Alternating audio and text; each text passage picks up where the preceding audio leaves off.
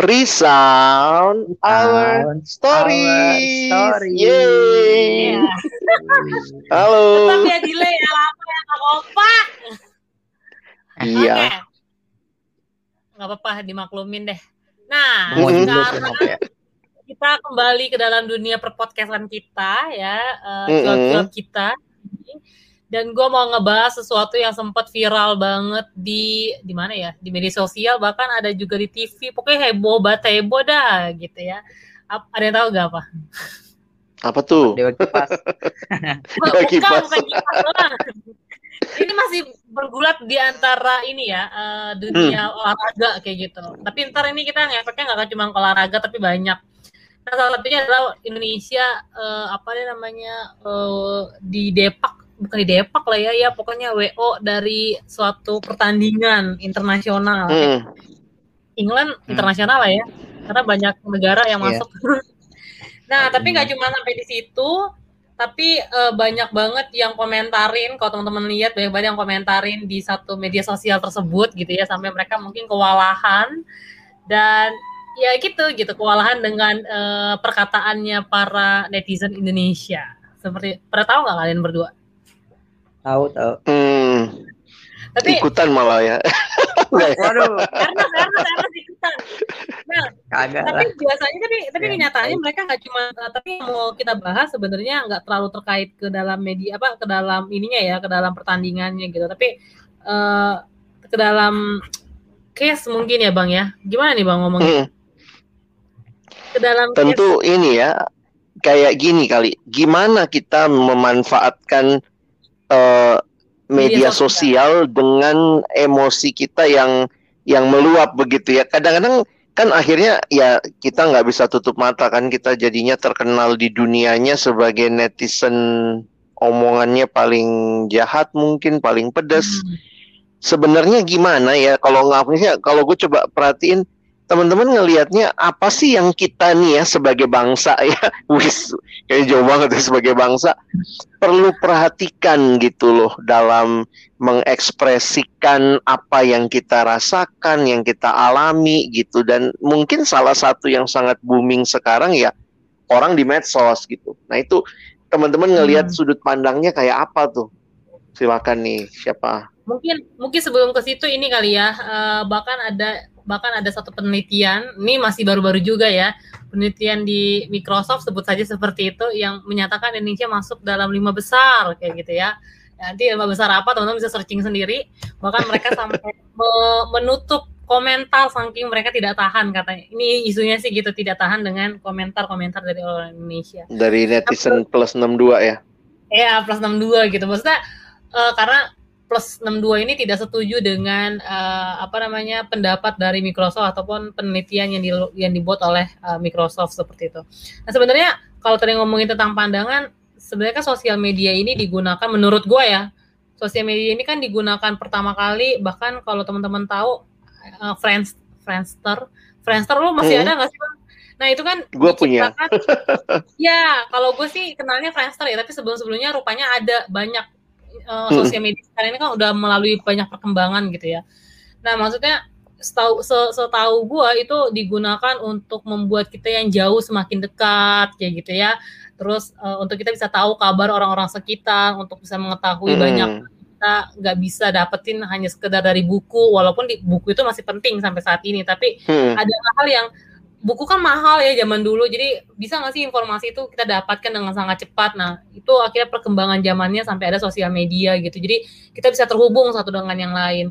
Nah tapi maksud gue sayang banget kalau misalnya eh, sosial media digunakan untuk satu hal yang kurang tepat. Misalnya kayak eh, perkataan-perkataan jahat, hate speech gitu ya, atau enggak misalnya Hmm. untuk share sesuatu hal yang tidak baik, atau enggak juga mungkin memberikan berita-berita hoax gitu ya, karena kan eh, apa namanya penyebaran berita hoax itu kan gampang banget ya terjadi gara-gara ada sosial media, misalnya dalam grup-grup keluarga gitu ya. Apalagi kan orang generasi atas ini kan nggak suka dibaca dengan detail, langsung share, share, share. langsung gitu. share ya Hmm. Ah, nah, jadi seharusnya sih kita nih generasi muda itu orang-orang yang berintelektual gitu ya, yang yang me- mengecap pendidikan lumayan bagus sampai sekarang bahkan sudah sangat bagus sampai sekarang itu tuh harusnya membuat menunjukkan bahwa kita adalah negara yang pintar dalam mengelola emosi baik itu di sosial media ataupun mengelola perkataan-perkataan kita biar supaya bangsa-bangsa lain tuh uh, apa ya melihat wih orang Indonesia ini sangat-sangat bijak gitu. Bukan hanya uh, salut dalam dunia olahraga baik secara uh, bulu tangkis ataupun beberapa bidang yang lain tapi dalam perkataan pun netizennya rupanya sangat dikagumi dan budaya-budaya pun juga sangat baik kalau menurut gue sih gitu ya salah satu bentuknya dengan penggunaan sosial media hmm. yang baik dan tepat gitu sih menurut gue Ernest gimana Nus? Ah, gue sih ngelihat ya fenomena yang belakangan terjadi. Entah ya, mes, eh, eh, memang banyak faktor gitu ya dan banyak aspek yang karena memang sosial media itu uh, society sih seperti itu dan itu uh, tercermin lah orang-orangnya di situ ada masalah di mana mungkin kalau nggak komen ngerasa uh, fear of missing out, ada juga yang merasa insignificant kayak gitu. Akhirnya semua orang tuh merasa uh, pendapat gua tuh uh, perlu didengar pendapat gue tuh uh, bisa mengubah dunia dan lain sebagainya hmm. nah itu yang akhirnya uh, membuat orang tuh jadi seperti itu dan dan gue juga rada bingung sih entah kenapa uh, dan gue banyak melihat sih fenomena-fenomena di mana orang da, uh, orang tuh sering sering karena ke gue nggak ngerti apakah ketidakmampuannya dia kah atau bagaimanakah uh, kayaknya ingin banget membalas sebuah kejahatan dan akhirnya kejahatan itu tuh diviralkan. Nah hmm, itu tuh yang hmm. ketika dia nggak sanggup kemarin ada juga yang kucing-kucingan kayak gitu. uh, eh, gue piara kucing sih kayak gitu. Gue juga nggak suka ada kucing yang di, digituin dan lain sebagainya. Hmm. Nah cuman itu sebenarnya masalah personal. Itu itu adalah masalah personal yang akhirnya diviralkan entah kenapa tuh uh, eh, gue nggak ngerti deh apa yang terjadi seolah-olah tuh nggak bisa orang ini nih nggak layak untuk di diselesaikan diam-diam kayak gitu harus dihukum dihancurkan hidupnya dan lain sebagainya nah itu yang menurut gue ada apa gitu ya dengan dengan hmm. uh, ini kayak gitu kita malah menyalahgunakan uh, power yang ada di yang diberikan kayak gitu oleh Tuhan ya uh, lewat sosial media dan lain sebagainya itu yang sebenarnya uh, bingung sih. Kalaupun juga kita kritik orang, kecenderungan kritiknya itu uh, kritik yang hanya kritik dan kritiknya itu menjelekan dan merobohkan bukan membangun gitu uh, kayak gitu. Bener kita nggak setuju oleh dengan beberapa beberapa apa tuh namanya ya uh, kebijakan-kebijakan yang terjadi waktu hmm. di, di olahraga-olahraga tertentu kayak gitu. Tapi uh, bukannya membangun malah malah mengcancel iya nih memang jelek nih iya nih begini nih tuh kan kayak gitu kita kita yang di kor jadi korban lagi kita lagi yang salah lagi. Akhirnya tuh seolah-olah kita uh, mau belum mau tanda kutip ya mau membela diri uh, tapi justru kita malah merendahkan diri kayak gitu. Uh, bukan merendahkan diri tapi malah uh, nge ngerendahin diri sendiri kayak gitu. Jadi hmm. kita merasa direndahkan karena jadi korban nah karena karena kita merasa direndahkan kita mau meningkatkan nih kayak gitu diri kita nih. Enggak enggak seperti itu. Kita bela uh, negara kita dan lain sebagainya. Akhirnya bukannya meningkatkan derajat malah makin menurunkan derajat. Nah itu sih yang lebih ketahuan enggak ini ya iya, nggak punya uh, akal yang sehat untuk menanggapi. iya betul Uh, entah kenapa tuh uh, nggak nggak cari tahu dulu, pengennya segera kayak gitu, segera untuk untuk men menyelesaikannya, segera untuk komen. Nah itu yang yang jadi cenderung impulsif sih dengan adanya iya. itu sosial media. Ada banyak sih aspeknya. Coba Bang Alex gimana Bang? Atau pandangannya? Bingung Wah, ini... sih ini. Jadi kayak kayak ini ya, maksudnya benang kusut yang menurutku ya kita masing-masing boleh kasih perspektif dan dari situ mungkin kita coba urai sih ada faktor-faktor apa. Nah kalau aku tetap melihat satu sisi uh, balik kepada sebenarnya awalnya sosial media ya bahwa awalnya sosial media itu kan sarana untuk kita juga.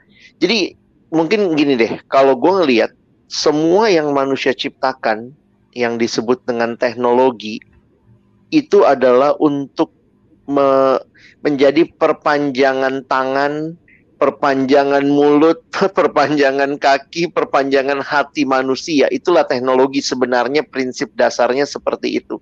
Jadi hmm. apa yang yang mungkin uh, dulu harus dengan cukup lama prosesnya panjang itu kan banyak hal dengan teknologi dipotong tuh. Hmm. Nah, jadi akhirnya uh, ya udah gimana ngomong ya dulu kan harus kasih tahu dari rumah ke rumah.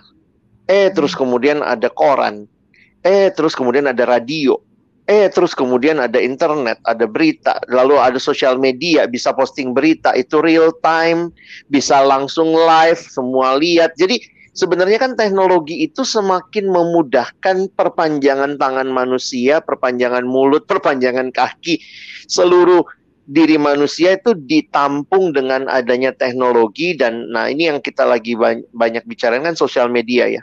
Itu kan perpanjangan hati. Kadang-kadang kan kalau lihat juga ada emoticon diberikan di beberapa sosial media perpanjangan perasaan gitu ya perpanjangan uh, mulut gitu ya. Kita bisa ngomong yang kita sedang rasakan dan yang kita mau sampaikan.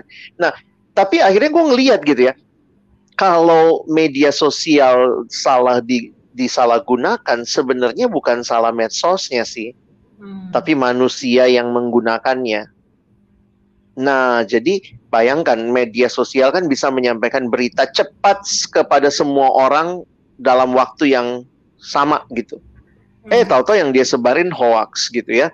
Jadi kan masalahnya bukan uh, udah nggak boleh pakai sosmed gitu ya, nggak boleh pakai uh, Instagram, nggak boleh posting apa. Tapi kan masalahnya di manusianya nih, manusia yang tidak melek media, tidak melek teknologi. Jadi gue ngelihat sih ya, kalau kalau aku ngelihat akhirnya kayak Ernest bilang tadi ya, sebenarnya uh, manusianya gimana nih? Kita yang memanfaatkan media ini, kita seperti apa? Nah, itu yang menurut gua mungkin perlu tuh membangun manusia yang menggunakan media sehingga perlu tuh ada misalnya melek media. Memang pemerintah kita sudah sampai bikin undang-undang. Itu kan karena berarti uh, ada pelanggaran ada pelanggaran yang udah dipakai dengan media itu dengan segala macam karena itu ada undang-undang. Tapi bagi gua nggak cukup cuma undang-undang karena penggunanya itu nggak mungkin nggak melek media. Nah, gue kasih sedikit data dari apa yang aku sering ikuti gitu ya. Aku sering ngikutin uh, survei dari APJII ya, Asosiasi Penyelenggara Jasa Internet, Internet Indonesia mereka dulu tuh setiap dua tahun sekali keluarin hasil survei nasional mereka dan ternyata ada lembaga semacam itu di banyak negara. Jadi kadang-kadang mereka compare data antar negara. Misalnya mereka melihat berapa pengguna internet. Indonesia dulu tuh dari dua, anggaplah gini ya, kita kan penduduknya 200-an juta tuh. Dulu itu yang baru terakses internet 30 persen. Wah, dalam berapa tahun ini naiknya cepat sekali. Sekarang pengguna internet Indonesia itu sudah sampai 60%. Jadi berarti lebih daripada separuh, 60% penduduk Indonesia itu punya akses sama internet. Bisa internetan. Nah, tapi itu bukan pasti berarti tanda kemajuan bangsa menurut gua. Karena akses internetnya bisa, tapi cara pakainya, nah ini buat apa? Nah, di survei itu ya, Nah, saya, aku ingat beberapa tahun lalu waktu ini sebelum pandemi ya. Jadi waktu lihat surveinya ternyata pengguna Indonesia terbanyak itu adalah untuk sosial media. itu lima besar pertama itu tuh sosial media kalau buat orang Indonesia. Dan yang menarik lagi bahwa yang dipakai sosial media yang dipakai itu ya maksudnya YouTube kah atau Instagram atau uh, Facebook segala macam ya itu dipakai lebih dari setengahnya itu memakai untuk hiburan. Jadi untuk dengar musik, untuk nonton video, nah, apa apalah ya. Nah, sementara di beberapa negara maju, kalau aku lihat datanya, memang mereka juga pakai buat hiburan, tetapi yang cukup tinggi juga adalah memakainya untuk pendidikan. Jadi mereka punya internet, dia pakai untuk pendidikan, ketimbang hanya sekadar lihat hidup hibur diri gitu.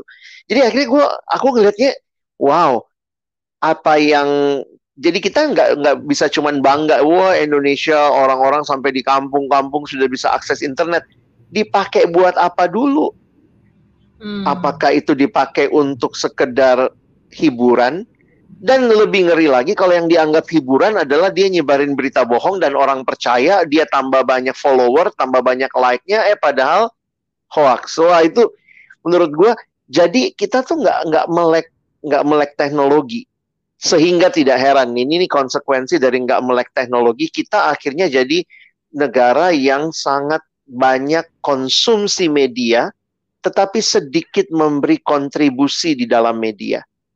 Hmm. Jadi konten-konten yang berkualitas dan segala macam itu kita jadi bukannya yang memberi masukan.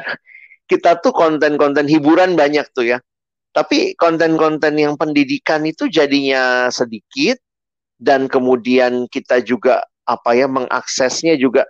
Memang kalau kita mesti ingat ya namanya media sosial khususnya yang sekarang ini kan ada algoritmanya. Jadi apa yang kita sering searching maka kadang-kadang yang ditampilkan sebagai pilihan itu juga yang kita sering searching kan. Nah, tapi hmm sekali lagi tuh mesti belajar melihat bahwa ada banyak ilmu juga yang sebenarnya ada di situ. Memang kalau lagi masa pandemi ini semua meningkat sih kayak kalau disurvei lagi gue yakin banget dipakai untuk apa internet pendidikan karena semua belajar dari rumah.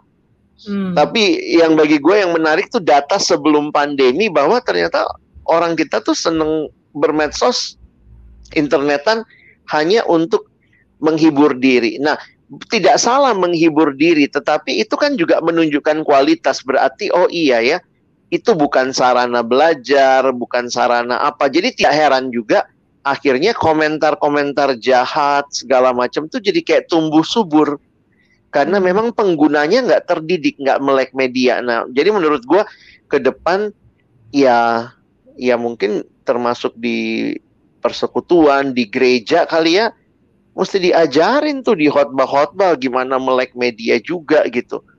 Hmm. Dan itu bukan bukan berarti karena saya punya medianya ada di tangan saya, saya bisa posting apa aja.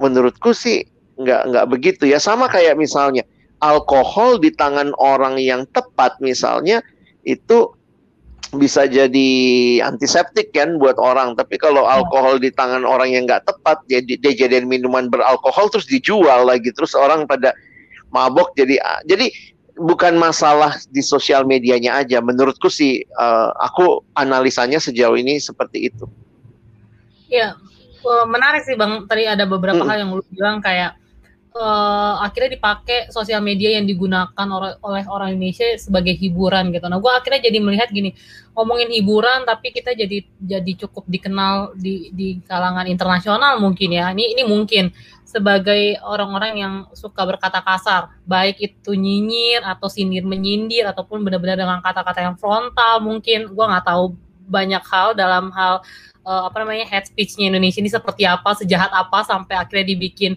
uh, penelitian menjadi negara yang cukup uh, peng, apa namanya cukup kasar di Microsoft gitu ya. Maksudnya gini, gue ngeliat jadinya kayak kalaupun itu sebagai hibu menurut mereka sebagai hibu ataupun sebagai niatnya sebagai hmm. pembela pembelaan mereka terhadap bangsa gitu ya jangan-jangan ataupun sebagai hiburan gue jadi miris sih ngelihatnya kalau misalnya itu hmm. benar apakah perkataan kasar itu itu kan dari hati ya yang gue lihat itu kan uh, apa namanya berasal perkataan itu berasal dari hati baik kita setuju tidak setuju itu tapi emang berasal dari hati dan pikiran kita gitu berarti untuk ngejelekin sesuatu nah itu sih misalnya gue jadi jadi jadi berpikir bahwa apakah orang banyak orang banyak orang-orang Indonesia gitu ya secara khusus generasi muda kah ataupun yang mereka yang berkontribusi dengan perkataan-perkataan kasar itu punya kecenderungan ini ini menurut hipotesis gue doang mungkin ya kan gue nggak bisa bilang begitu hmm. gitu hmm. apa namanya apakah orang Indonesia itu banyak yang punya uh, sakit hati, iri hati kah, seperti itu gara-gara perkataannya kenapa bisa kasar. Kalau misalnya orang yang bahagia dia seharusnya kan bisa menggunakan kata-kata yang baik ya, kata-kata yang membangun, kata-kata yang akhirnya pun kalau dia tidak setuju dengan perkataan yang tepat gitu. Nah, terus itu yang pertama, terus yang kedua hmm. akhirnya gue melihat ketika suatu sesu, apa ketika bangsa ketika suatu bangsa mempunyai pengguna sosial media yang cukup besar gitu ya seharusnya itu juga berbanding ter, berbanding lurus gitu. Maksudnya dengan kesiapan orang-orang di dalamnya dalam menggunakan sosial media. Contohnya misalnya gini, ketika gue siap menggunakan sosial media, seharusnya gue juga siap bertanggung jawab terhadap sosial media yang gue gunakan. Misalnya gini, gue menggunakan Instagram. Oke, ketika gue posting, seharusnya gue uh, berapa ya mengerti pengguna sosial media itu seperti apa, bagaimana cara berkomunikasi dalam sosial media. Jadi nggak asal sembarangan ngomong aja, gak, karena ini media sosial di mana semua orang hmm. bisa secara luas gitu.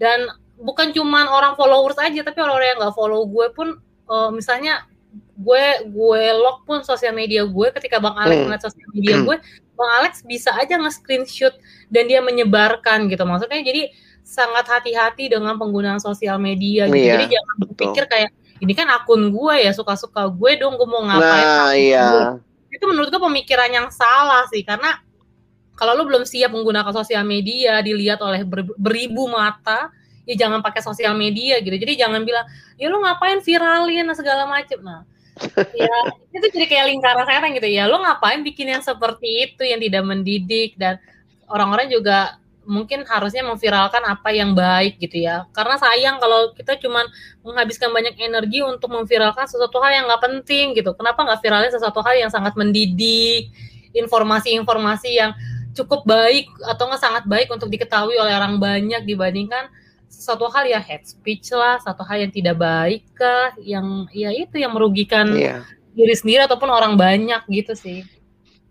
Gue inget ini ya satu satu ilustrasi aja gitu. Jadi beberapa kali kan uh, ada acara dengan teman-teman alumni, lalu kemudian itu ada acara mereka bawa anak, bawa anak mereka. Jadi anaknya ada anak-anak yang masih kecil-kecil gitu yang lari-lari sana sini gitu. Nah biasanya tuh habis acara ibadah tuh terus anak-anak tuh suka datang ke depan terus ngambil mic.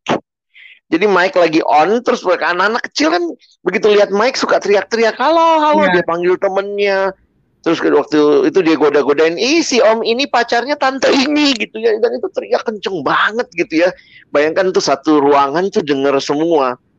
Gue hmm. lagi kepikir gitu ya, sosial media bisa seperti itu tuh kalau anak kecil yang megang, ya hmm. ya udah dia berita hoax, ih tante Novita lagi pacaran sama tante siapa, om siapa misalnya gitu ya, hmm. teriak-teriak, ketawa-ketawa dan buat mereka tuh fun.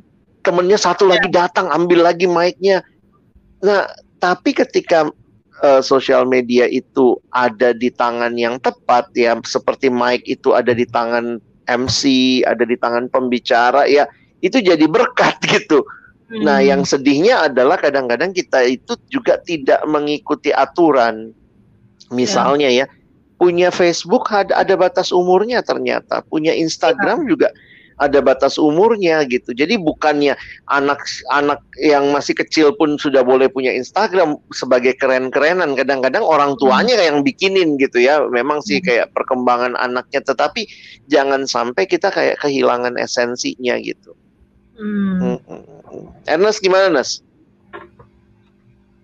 Kalau ya benar sih semuanya ya. Cuman gue kadang ya banyak memang banyak aspek aspek ya kadang-kadang juga kita tuh mau bercanda gitu ya mau bercanda sama seseorang tapi kita memang nggak dikenal orang itu kayak gitu. Nah orang itu baper ya akhirnya kita diviralin lihat nih ada yang komen begini dan lain sebagainya nah, nah itu yang nggak ngerti lah ya mesti mesti belajar apa ya kita kayak gitu ya. Satu sisi ya mereka yang punya follower banyak kayak gitu eh, mungkin lelah entah mungkin juga nggak siap tiap hari dapetin bercandaan begitu atau nggak ngerti juga ya? Padahal mungkin maksudnya hanya bercanda nggak nggak serius lah.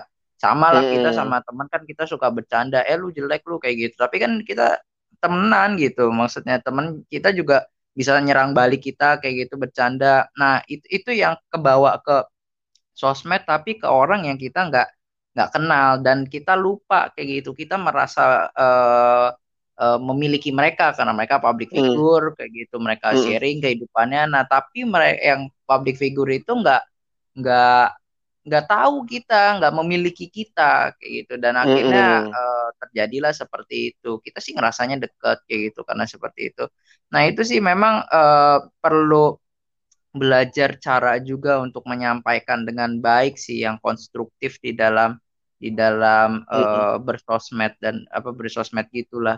Itu sih paling ya. Memang ada iya. banyak yeah. sih yang bisa dibahas sih aspeknya ya.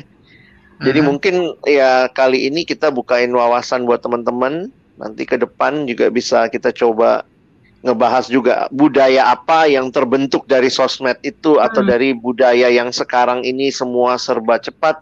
Nah, tapi mungkin hmm. nanti kita bisa bahas kemudian ya. Nah, mungkin hari ini kita cukupkan sampai sini supaya teman-teman juga bisa berpikir bersama, berbagi juga kali ya. Silakan tulis di kolom komentar apa yang jadi respon teman-teman.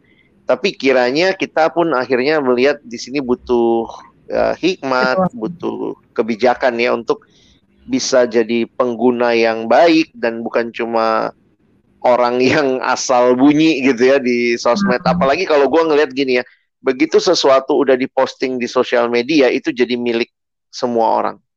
Jadi kita juga agak sulit bilang ini ini sebenarnya tujuannya pribadi begitu. Kalau pribadi ya simpen aja dalam hati gitu ya. Tapi begitu udah ditaruh di sosmed, nah itu jadi bagian semua. Oke. Okay. Jadi mungkin segitu dulu kali ini. Semoga boleh jadi manfaat buat teman-teman. Jangan lupa yang mau follow kita, kita ada di Instagram. Instagramnya apa, Nas? Di fansound.id. Oke, okay. dan juga ikuti terus podcast kita di Spotify.